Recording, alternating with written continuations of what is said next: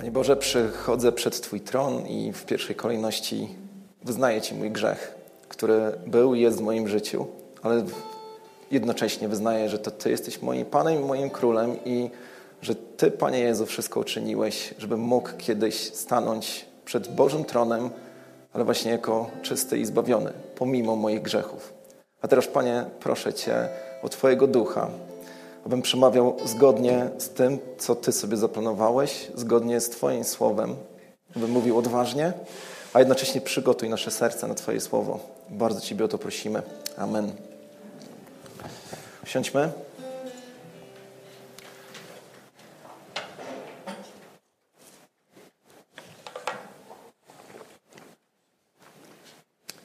Mamy dzisiaj niedzielę wyborczą, mamy dzisiaj święto dziękczynienia, mamy chyba lekkie echo. Nie wiem, czy Jarku mam poprawić mikrofon.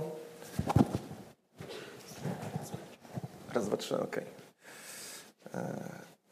A jednocześnie mamy w Palestynie czasy niepokoju. Myślę sobie, że każdy z nas zadawał sobie nieraz pytanie, czy to, co się tam dzieje, jest dowodem na spełnienie jakichś proroctw. Dzisiejszy dzień jest bardzo złożony. A my będziemy dzisiaj studiować jedną całą księgę, najkrótszą księgę w Biblii, księgę Abdiasza. No i zobaczymy, o czym ta księga do nas mówi. Tutaj takie kilka uwag technicznych. Powiedziałem, że jest najkrótsza, faktycznie 21 wersetów, tylko jeden rozdział. 21, ktoś by powiedział, że oczko. I Abdiasz oczywiście jest jednym z tych proroków, których nazywamy prorokami mniejszymi. Nie dlatego, że jego przesłanie jest w jakiejś mierze mniej ważne od pozostałych proroków, tylko dlatego, że prorocy mniejsi to tacy, którzy napisali o wiele krótsze księgi, albo na podstawie słów, których napisano o wiele krótsze księgi niż na przykład księga Izajasza, Jeremiasza, Ezechiela czy Daniela. Zaczniemy od pierwszego wersetu tej księgi. Tak ona właśnie wygląda. Tak jak widzicie, to jest do przeczytania Biblia Audio. Jeżeli chcemy przesłuchać cały ten rozdział, to jest 3,5 minuty. Ale skupimy się najpierw na wersecie pierwszym. Widzenie Abdiasza. Tak mówi wszechmogący Pan o Edomie. Słyszeliśmy wieść od Pana i wysłano gońca do narodów. Wstańcie, ruszamy przeciwko niemu do boju. Nie wiemy, kim był Abdiasz. Nie ma żadnej informacji na jego temat w innych księgach Biblii. Właściwie całe jego dziedzictwo, które nam zostawił, to właśnie ta księga, która jest, tak jak powiedziałem, krótka. I tak naprawdę, gdyby kogoś przymusić do szczerości, to można by było nawet powiedzieć, nie zrozumcie mnie źle, ale że jest nudna, jeżeli będziemy patrzeć na nią tak bez tego drugiego dna. Dlaczego ta księga znalazła się w kanonie i co jest w niej ukryte? No właśnie to będziemy dzisiaj próbować ujawnić, co ta księga mówi o Chrystusie, co mówi o szatanie, co mówi o Izraelu, tym państwowym Izraelu, czy, czy coś mówi. O czym opowiada w sposób jawny i w sposób niejawny. Natomiast już teraz widzimy, że w sposób jawny opowiada o Edomie, o takim ludzie i takim państwie, które sąsiadowało kiedyś z Izraelem. No i spróbujmy sobie odpowiedzieć w takim razie na pytanie, kim byli Edomici. Jeszcze jedna rzecz, ta księga została napisana, ponieważ Abdiasz, czy Bóg właśnie ustami Abdiasza wyraża pogardę wobec narodu edomskiego za to, jak ten potraktował w odpowiednim momencie w historii Izraelitów, ale o tym właśnie zaraz więcej powiemy. Kim byli Edomici? Tak, żeby nie wchodzić zbyt mocno w wątki historyczne, pamiętamy Abrahama i Sarę. Abraham i Sara mieli syna Izaaka. Izaak miał żonę Rebekę i oni razem mieli dwóch synów, Jakuba i Ezawa. Od Jakuba pochodzi cały Izrael, a od Ezawa właśnie pochodzi Edom. I nawet jak sięgniemy do Księgi Rodzaju, właśnie, kiedy Rebeka była już przy nadziei i kiedy odczuwała niepokoje z tym związane, to dowiaduje się takich rzeczy. A gdy dzieci trącały się w jej łonie, rzekła, jeżeli tak się zdarza, to czemu mnie to spotyka? Poszła więc zapytać Pana, a Pan rzekł do niej, dwa narody są w łonie Twoim i dwa ludy wywiodą się z żywota Twego. Jeden naród będzie miał przewagę nad drugim, starszy będzie służył młodszemu. Tak sobie myślę, Rebeka czuła niepokój, bo nie wiedziała, że jest w ciąży bliźniaczej. Pewnie o to chodziło i widziała, że ruch mm, w brzuchu, mówiąc kolokwialnie, jest większy niż u innych mam. E, pewnie się martwiła, niepokoiła i Bóg mówi, nie niepokój się, tam po prostu jest trochę inaczej jak e, w modelu klasycznym. Masz dwoje dzieci, urodzisz e, bliźniaków, ale mało tego, już teraz przy tej okazji mówię Tobie, że te, ci dwaj bliźniacy to będą dwa narody, dwa ludy. No i dalej pamiętamy, jak Jakub w sprytny sposób przechytrzył Ezawa.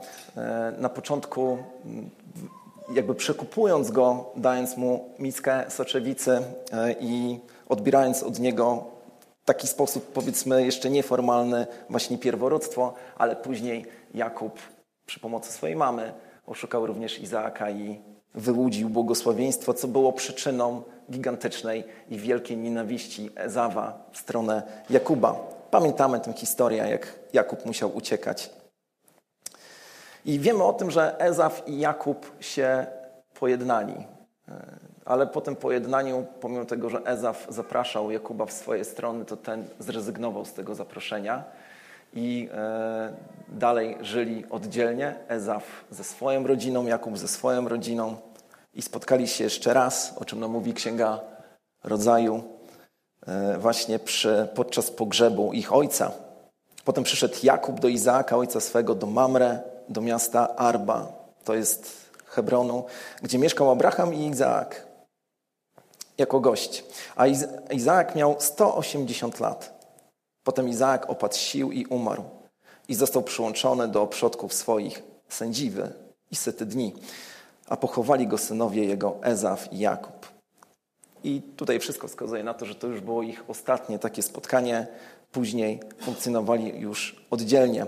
Tak jak powiedziałem, Jakub to Izrael, Ezaf to właśnie Edom. Dwa narody. Dwa narody.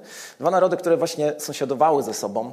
Zobaczcie, to jest mapa Izraela e, i Judy, mm, już podzielonego królestwa. Na dole ta taka żółta plama to właśnie Edom. Zanim Izrael dotarł do tej ziemi z Mojżeszem, to Edom już tam był. Ezaf widocznie przybył wcześniej. Mało tego, zanim w Izraelu wykształciła się monarchia, e, za czasów Samuela, kiedy Saul został powołany na pierwszego króla, później był Dawid, to w Edomie królowie byli już wcześniej. Tam e, monarchia panowała wcześniej.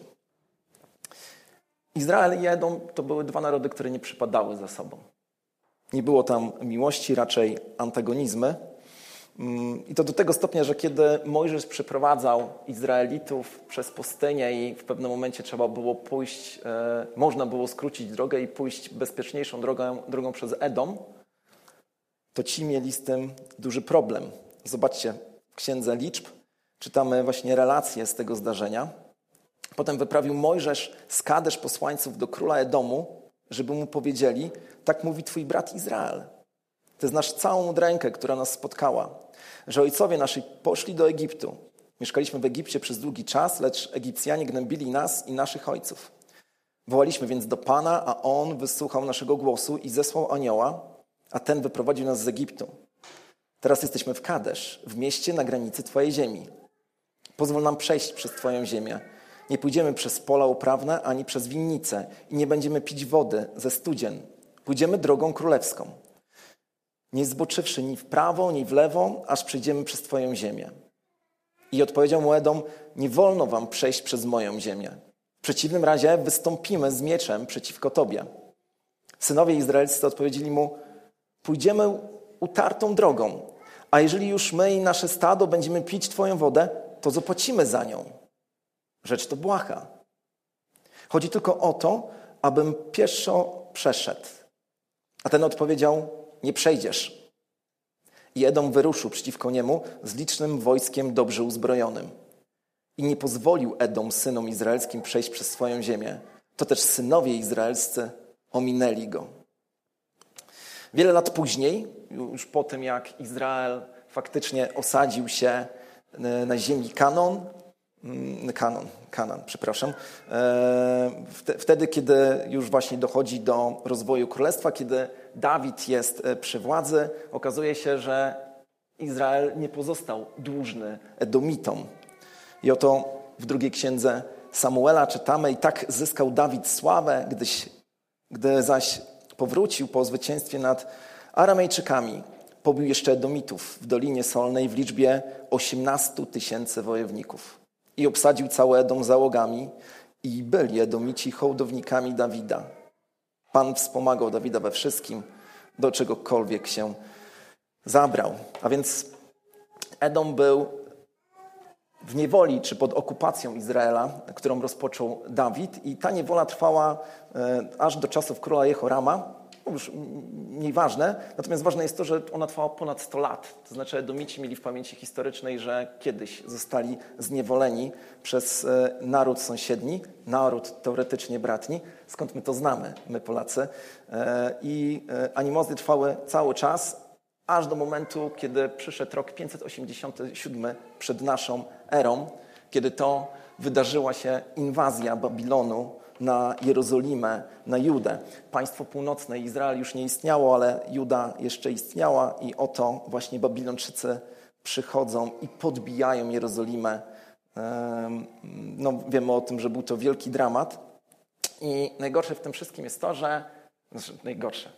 Jedną z rzeczy, która wtedy miała właśnie miejsce, jest to, że Edomici wspierali Babilończyków. Wspierali, cieszyli się, zresztą zaraz będziemy e, czytać o tym, wspierali w sposób i bierny, i aktywny Babilończyków przy podboju Jerozolimy. Tutaj też taka ciekawostka historyczna. E, jak wpiszecie podbój Jerozolimy 587 rok przed naszą erą, to na pierwszym miejscu wyskoczy artykuł z Rzeczpospolitej, chyba z 2018 czy 2019 roku. I tam autor tego artykułu twierdzi, że podbój Jerozolimy w 587 roku przed Chrystusem i podbój Jerozolimy w 70 roku po Chrystusie miał miejsce dokładnie tego samego dnia. Taka od ciekawostka historyczna. Ale właśnie, to, że Edomici wspierali wroga Babilończyków e, przy podboju Jerozolimy, bardzo bolało Izraelitów i w ogóle Bogu się to nie spodobało.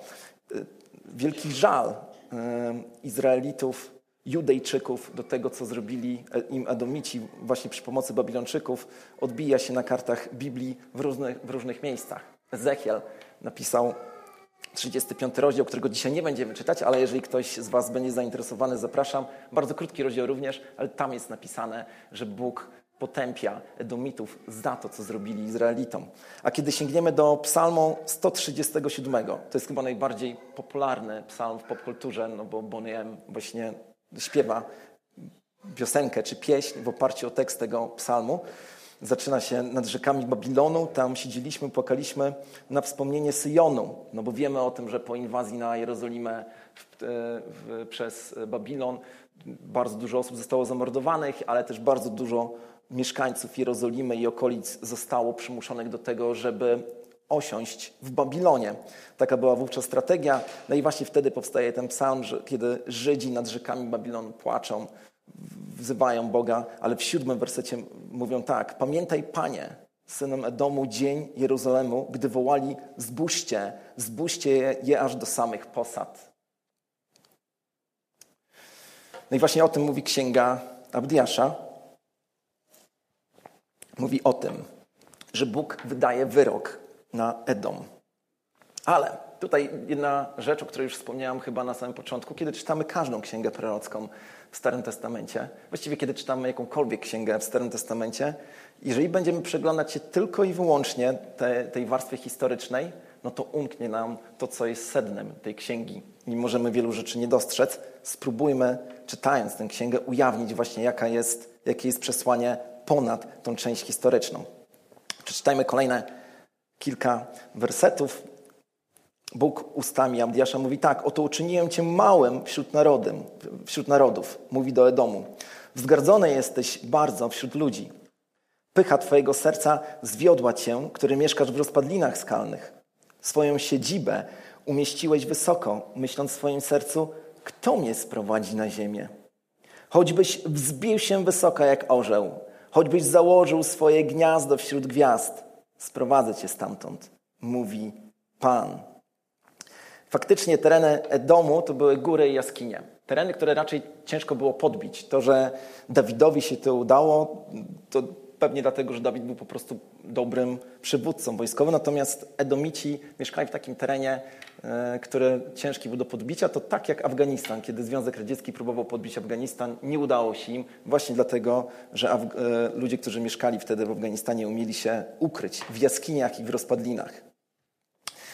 To te góry nazywały się Seir. Jak czytacie czasami właśnie Stary Testament i jest powiedziane, że Bóg czy ktoś się zwrócił w stronę Seiru, to miał na myśli właśnie Edom. Stolicą Edomu była miejscowość, która wtedy się nazywała Sela, ale dzisiaj nazywa się, uwaga, Petrą. Petrą. Jak jedziecie do Jordanii, e, żeby. Jeszcze raz? Tak, w Jordanii, zgadza się. Jak jedziemy do Jordanii, to to jest, e, Petra jest taką jak gdyby must see, miejscem do zobaczenia.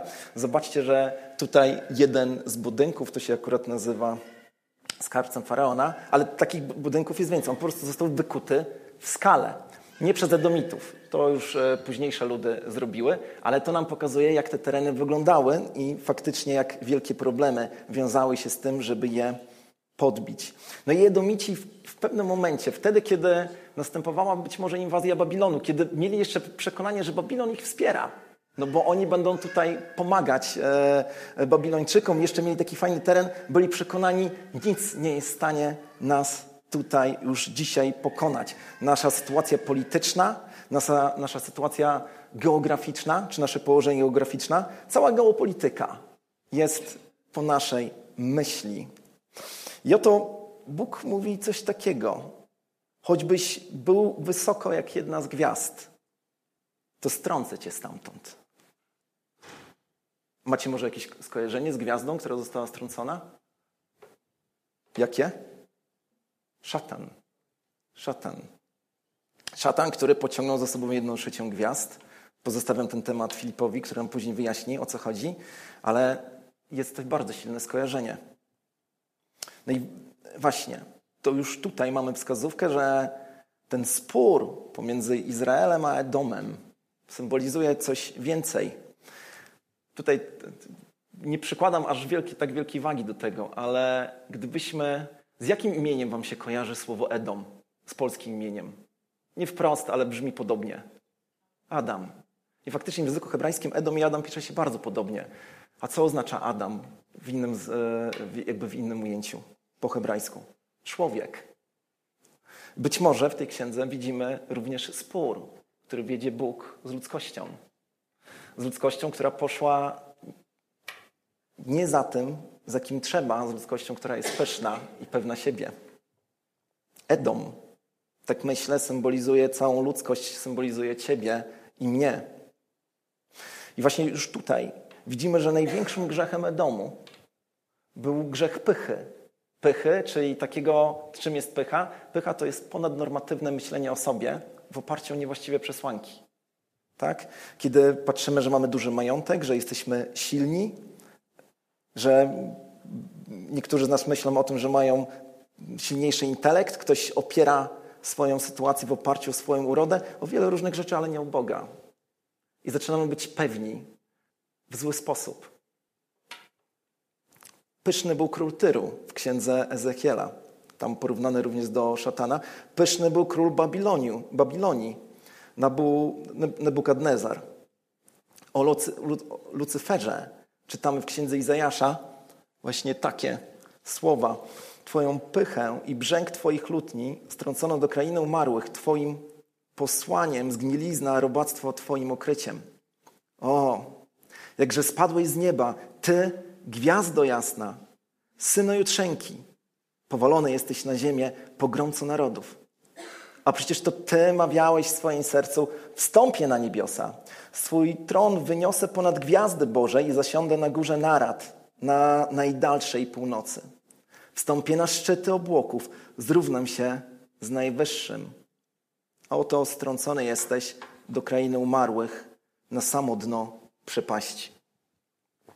Zwróćcie uwagę, że szatan tutaj jest nazwany pogromcą narodów. To też ważna informacja. Pycha, tak jak widzicie, na przykład w Ewangelii Marka, jest wrzucona do tej kategorii grzechów największego kalibru. Kiedy Jezus mówi, że z wnętrza serca ludzkiego pochodzą złe myśli, wszeteczeństwa, kradzieże, morderstwa, cudzołóstwo, chciwość, złość, podstęp, podstęp, lubieżność, zawiść, bluźnierstwo, pycha, głupota. Pycha jest tym grzechem, który doprowadził ludzkość do upadku, który nas może doprowadzić do upadku, który doprowadził Edom do upadku. Tutaj myślę, że fakt, że po, po słowie pycha jest słowo głupota, e, to też nie przypadek.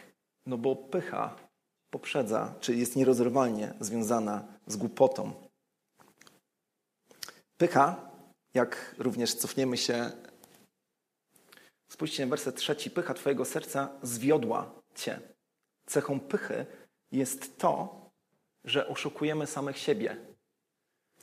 Tak jak oszukał, oszukali siebie i Adam i Ewa na samym początku, bo jednak myśleli, że kroki podejmują, czy decyzje, e, które właśnie podjęli, one wynikają w oparciu o pewne przesłanki, ale te przesłanki okazały się fałszywe i nieprawdziwe i ponieśli tego konsekwencje. Kiedy oszukujesz samego siebie, czy kiedy oszukujemy samych siebie, to wynika to według mnie z dwóch powodów. Jednym z powodów jest po prostu naiwność. Czasami jesteśmy naiwni, wolimy zamknąć, włożyć głowę pod poduszkę i liczyć, że coś się wydarzy. E, nie mamy złych zamiarów, ale po prostu, po prostu jesteśmy naiwni. Ale bardzo często oszukujemy samych siebie, bo po prostu jesteśmy pyszni. Dobra. Zobaczcie, tak to jest. Czasami tak bywa. Czytamy dalej. Gdy złodzieje wtargną, czytam teraz, jak Abdiasz opisuje, jak będzie przebiegać zagłada domu. Gdy złodzieje wtargną do ciebie, albo nocni rabusie, jak będziesz splądrowany? Czy nie będą kradli do woli? Gdy zbieracze winogron przyjdą do ciebie, czy pozostawią choć jedno grono? Jakże ogołocony jest Ezaf, czyli Edom. Przetrząśnięte są jego skarby ukryte. Aż do granic cię ścigali wszyscy twoi sprzymierzeńcy, zawiedli cię i wzięli nad tobą górę twoi przyjaciele. Ci, którzy jedli twój chleb, zastawią na ciebie sidła. Zaiste w owym dniu, mówi Pan, wytępię mędrców z Edomu i roztropnych z góry Ezawa. Nie ma u niego roztropności. Wygląda na to, że Abdiasz opisuje wydarzenia, które mają dopiero nastąpić że, e, i które nastąpiły, że ma przyjść zagłada na Edom i ta zagłada ma być tak duża, że nawet jedno grono tam nie pozostanie. Jakbyśmy wzięli teraz komentarze i zaczęlibyśmy czytać o Edomitach, to również wiemy o tym, że mieli oni winorośle i że mieli swoje wina. Nawet jedno grono nie pozostanie na tamtym miejscu, bo przyjdzie zagłada. Mało tego, ta zagłada przyjdzie od tych ludzi, mówi Bóg do Edomu, z którymi Edom jadł chleb. Edom jadł chleb, czyli z kim jemy chleb? Jemy z, z ludźmi, których, którym ufamy. Sam Edom przez to, że zdradził Izraela, doświadczy zdrady i poczucia tego, jak to jest być zdradzonym. Ciekawe jest jednak to, że jest pewna grupa społeczna, która ma być w pierwszej kolejności zgładzona. Jaka? Co tam, co widzicie? Kogo w pierwszej kolejności w owym dniu ma wytępić Pan?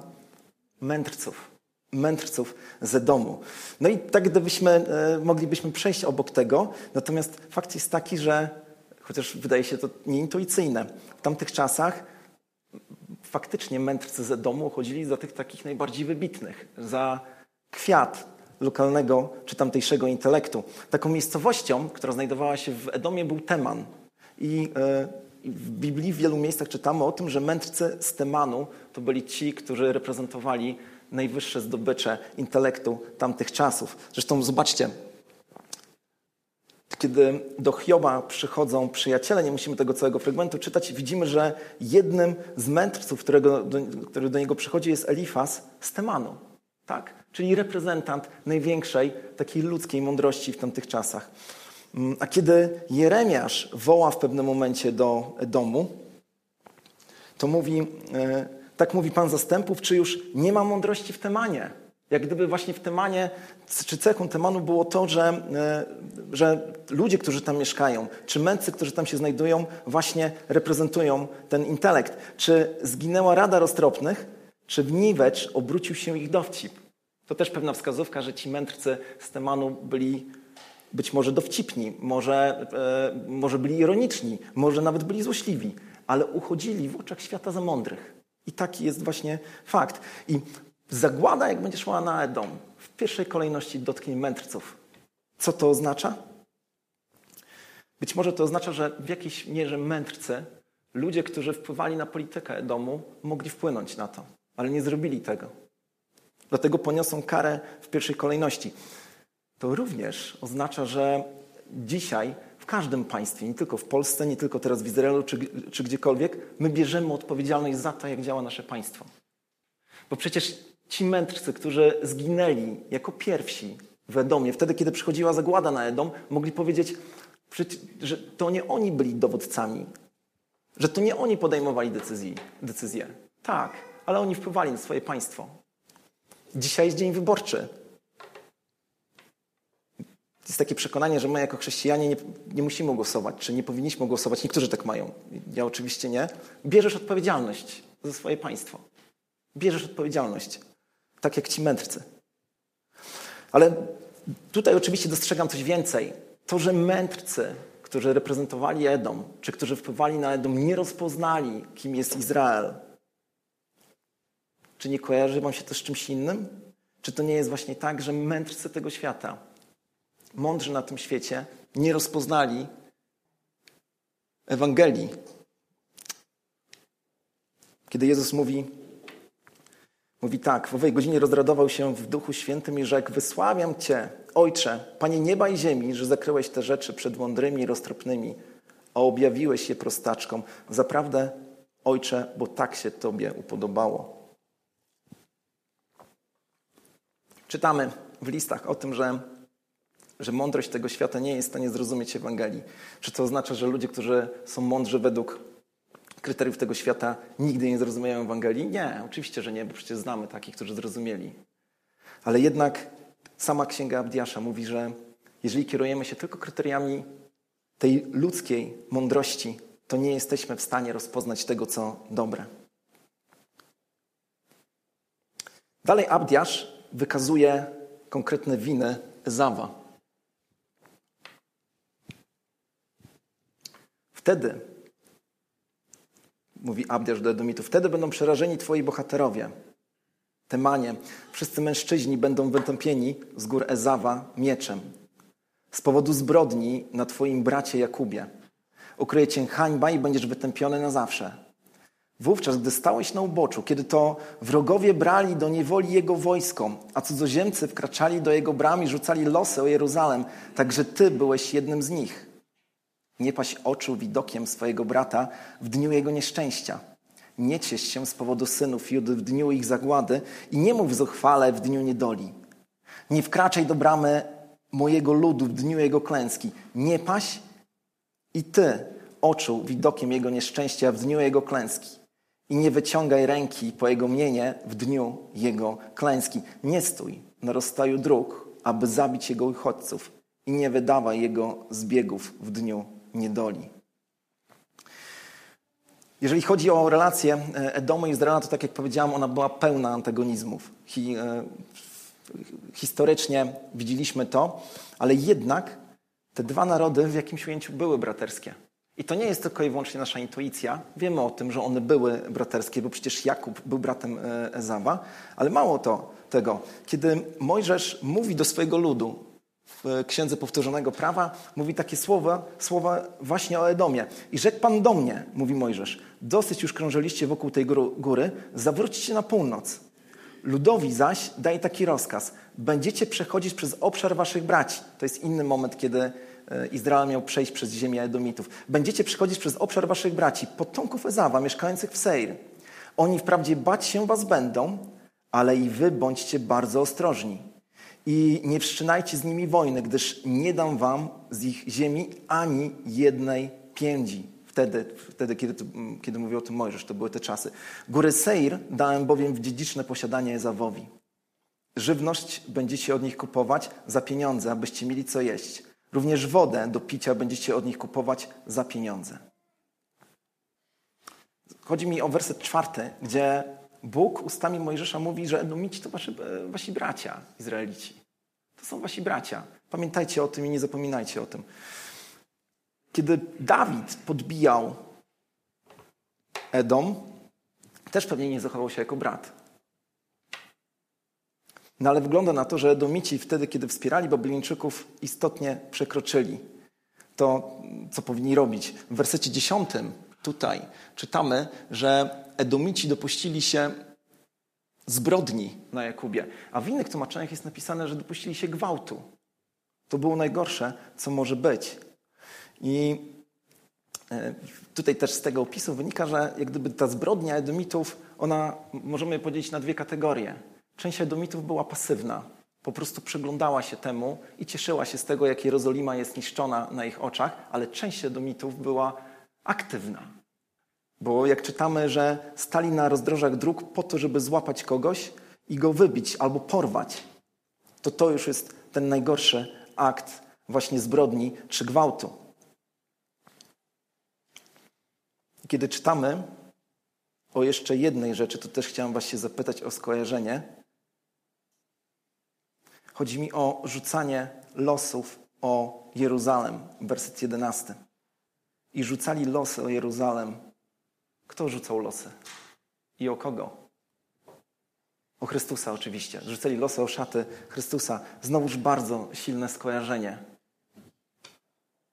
Zachęcam Was do tego, żebyście, ci, którzy tego jeszcze nie zrobili, odsłuchali ostatni odcinek bez celibatu. To jest tutaj taka autoreklama, ale myślę, że to jest naprawdę bardzo ważne. Pod koniec tej audycji Filip tłumaczy, czym jest Izrael w proroctwach starotestamentowych. Czy faktycznie proroctwa odnoszą się do fizycznego Izraela, tego, które dzisiaj widzimy tam na terenach Palestyny, który prowadzi wojnę, do, do, dokonuje wielu zabójstw, walczy, zabija i też sam jest zabijany, czy być może właśnie kiedy jest mowa o Izraelu w Starym Testamencie, o proroctwach dotyczących Izraela czy Judy, czy jest mowa o Chrystusie. Tak jak ludzkość przyglądała się temu, jak rzucono losy o szaty Chrystusa, tak Edomici przyglądali się zagładzie Jerozolimy.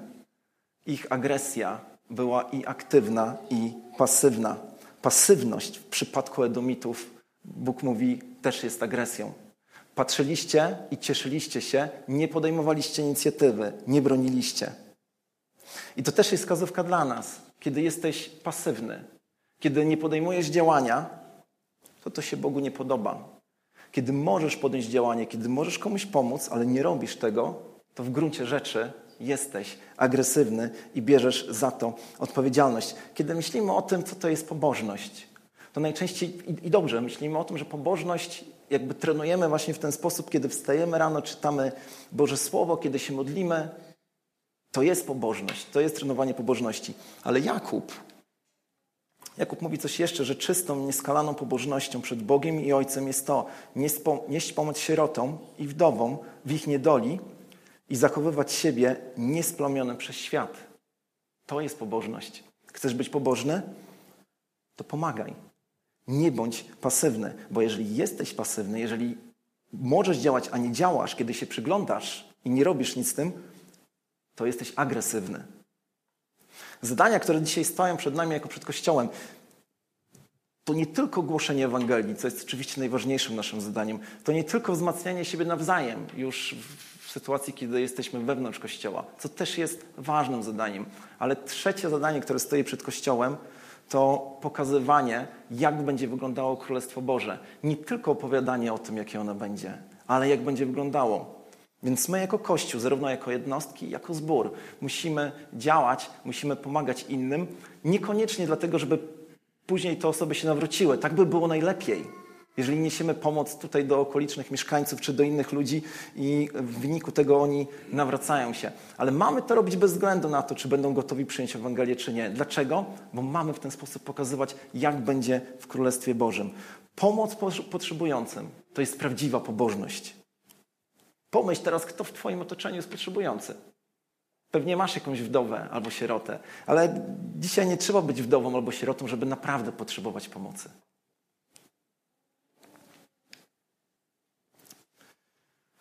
Gdyż bliski jest dzień Pana na, gdyż bliski jest dzień Pana na wszystkie narody. Jak postępowałeś, tak postąpią z Tobą. Odpłata za Twoje postępki spadnie na Twoją głowę. Bo jak piliście na mojej świętej górze, tak pić będą stale wszystkie narody. Pić będą i chłeptać i będzie z nimi tak, jak gdyby ich nigdy nie było. Lecz na górze Syjon będzie wybawienie. Jest ona przecież święta i dom Jakuba przejmie w posiadanie tych, którzy go posiadłości pozbawili. A dom Jakuba stanie się ogniem, dom Józefa płomieniem, dom zaś Zafa, Zawa słomą. Podpalą go i strawią, a i z domu Ezawa nikt nie ocaleje, bo tak rzekł Pan. Zobaczcie, że e, pomimo tego, że spodziewamy się, że ta księga mówi o potępieniu Edomu podczas dnia Pana, Dzień Pana występuje u proroków bardzo często. Kiedyś mieliśmy jedno rozważanie na ten temat, może jeszcze je powtórzymy. To jednak widzimy, że ostatecznie Abdiasz mówi, że wszystkie narody zostaną pokonane w czasie Dnia Pana, bo faktycznie Edom reprezentuje tutaj również w tym drugim ujęciu wszystkie narody, całą ludzkość. I przyjdzie taki moment, że Bóg osądzi ludzkość, ale później przyjdzie właśnie wybawienie. Natomiast to osądzenie przyjdzie. I zobaczcie jeszcze na jedną rzecz. E, znowuż przedstawiam swoją interpretację. Nie wiem, czy dałbym się za nią w tej chwili zabić, ale ona do mnie bardzo mocno przemawia. Czytamy, że dom Jakuba stanie się ogniem, a dom Józefa płomieniem. Jakub, Józef, Jakub, Ju, Juda, Józef, Izrael. Wiemy, że te dwa narody, że ten jeden naród podzieli się w pewnym momencie na dwa, ale jest napisane, że będzie ogień i płomień, że dojdzie do zjednoczenia. O czym mówi to proroctwo? Czy my faktycznie powinniśmy czekać, aż wszystkie plemiona Izraela się zjednoczą? Czy być może jest mowa o innych dwóch grupach, które doświadczyły pojednania dzięki Chrystusowi? W liście do Efezjan czytamy, czytamy tak, albowiem On jest pokojem naszym. On, czyli Chrystus. On sprawił, że z dwojga jedność powstała i zburzył w ciele swoim stojącą pośrodku przegrodę z muru nieprzyjaźni. On zniósł zakon przykazań i przepisów, aby czyniąc pokój, stworzyć w sobie samym z dwóch jednego nowego człowieka i pojednać obydwóch z Bogiem w jednym ciele przez krzyż, zniweczywszy na nim nieprzyjaźń jeszcze raz zaznaczam, to jest tylko i wyłącznie interpretacja, ale kiedy, czytamy proroctwa w Starym Testamencie na temat Izraela, na temat Judy, na temat państwa południowego i północnego i, i oczekujemy, że one będą realizowane dzisiaj na naszych oczach w sensie politycznym, to możemy się mocno pomylić. No bo przecież w Nowym Testamencie nie ma nic o tym mowy. Jak zatem doświadczyć tego pojednania, o którym jest tutaj mowa? Wiemy jak. To wszystko uczynił Chrystus. Chrystus, który jest tajemnicą, ale który objawił się nam, w którego, do którego możemy w każdej chwili naszego życia przyjść i po prostu powiedzieć: Panie Jezu, ufam Tobie, i doświadczamy wtedy właśnie tego pojednania z Bogiem. Jeżeli jeszcze nie doświadczyłeś tego, jeżeli myślisz, że Twoja droga do tego, żeby doświadczyć przebaczenia czy pojednania z Bogiem, musi być związana z tym, że musi zostać baptystą, albo metodystą, albo pójść do odnowy jakiejś katolickiej. Nic z tego. To, to, nie o to chodzi. Jeżeli myślisz, że musisz na to zasłużyć, też nic z tego. Nie jesteś w stanie na, na, na to zasłużyć. Musisz zrobić jedną rzecz. Kiedy żołnierz podszedł do apostołów i zadał pytanie, co mam, panowie, co mam czynić, abym był zbawiony? Oni mu rzekli, uwierz w Pana Jezusa, a będzie zbawiony Ty i Twój dom. I głosili słowo Pańskie Jemu i wszystkim, którzy byli w Jego domu. Tejże godziny w nocy zabrał ich ze sobą, obmył ich rany i zaraz został ochrzczony on i wszyscy jego domownicy. Właśnie dlatego Ewangelia jest tak ciężka do pogodzenia z mądrością tego świata. Dlaczego? Dlatego, że jest prosta. Dlatego, że dostajemy coś naprawdę za darmo i to za darmo jest prawdziwie za darmo. Nie ma tam ukrytych kosztów. Jeżeli czujesz, że jesteś z dala od Boga, nie czekaj, wyznaj w swoim sercu swój grzech i poproś Pana Jezusa o ratunek i On to uczyni w tej chwili. Ale jeżeli już to uczynisz, to powinieneś się ochrzcić. A jeżeli to uczyniłeś, ale jeszcze się nie ochrzciłeś, to powinieneś dać znać Filipowi albo pastorowi Robertowi, no bo też przygotowujemy się do, do chrztu. Na koniec Księgi Abdiasza od 19 wersetu, tu już padają skomplikowane nazwy, ale przeczytajmy to. I posiądą Negeb, i to już jest mowa o Izraelu, kraj górzysty Zawa, i Szefelem, kraj Filistyńczyków. Posiądą też kraj Efraima i kraj Samarii, a Beniamin zajmie Gilead. Pierwsi wygnańcy, wygnańcy synów Izraela, ci w Helach, posiądą kraj Kananejczyków aż do Sarepty, a wygnańcy z Jeruzalemu, którzy są w Sefaradzie, posiądą miasto Negebu. Potem ocaleni na gorze Syjon wyruszą, aby sądzić górzysty kraje Zawa.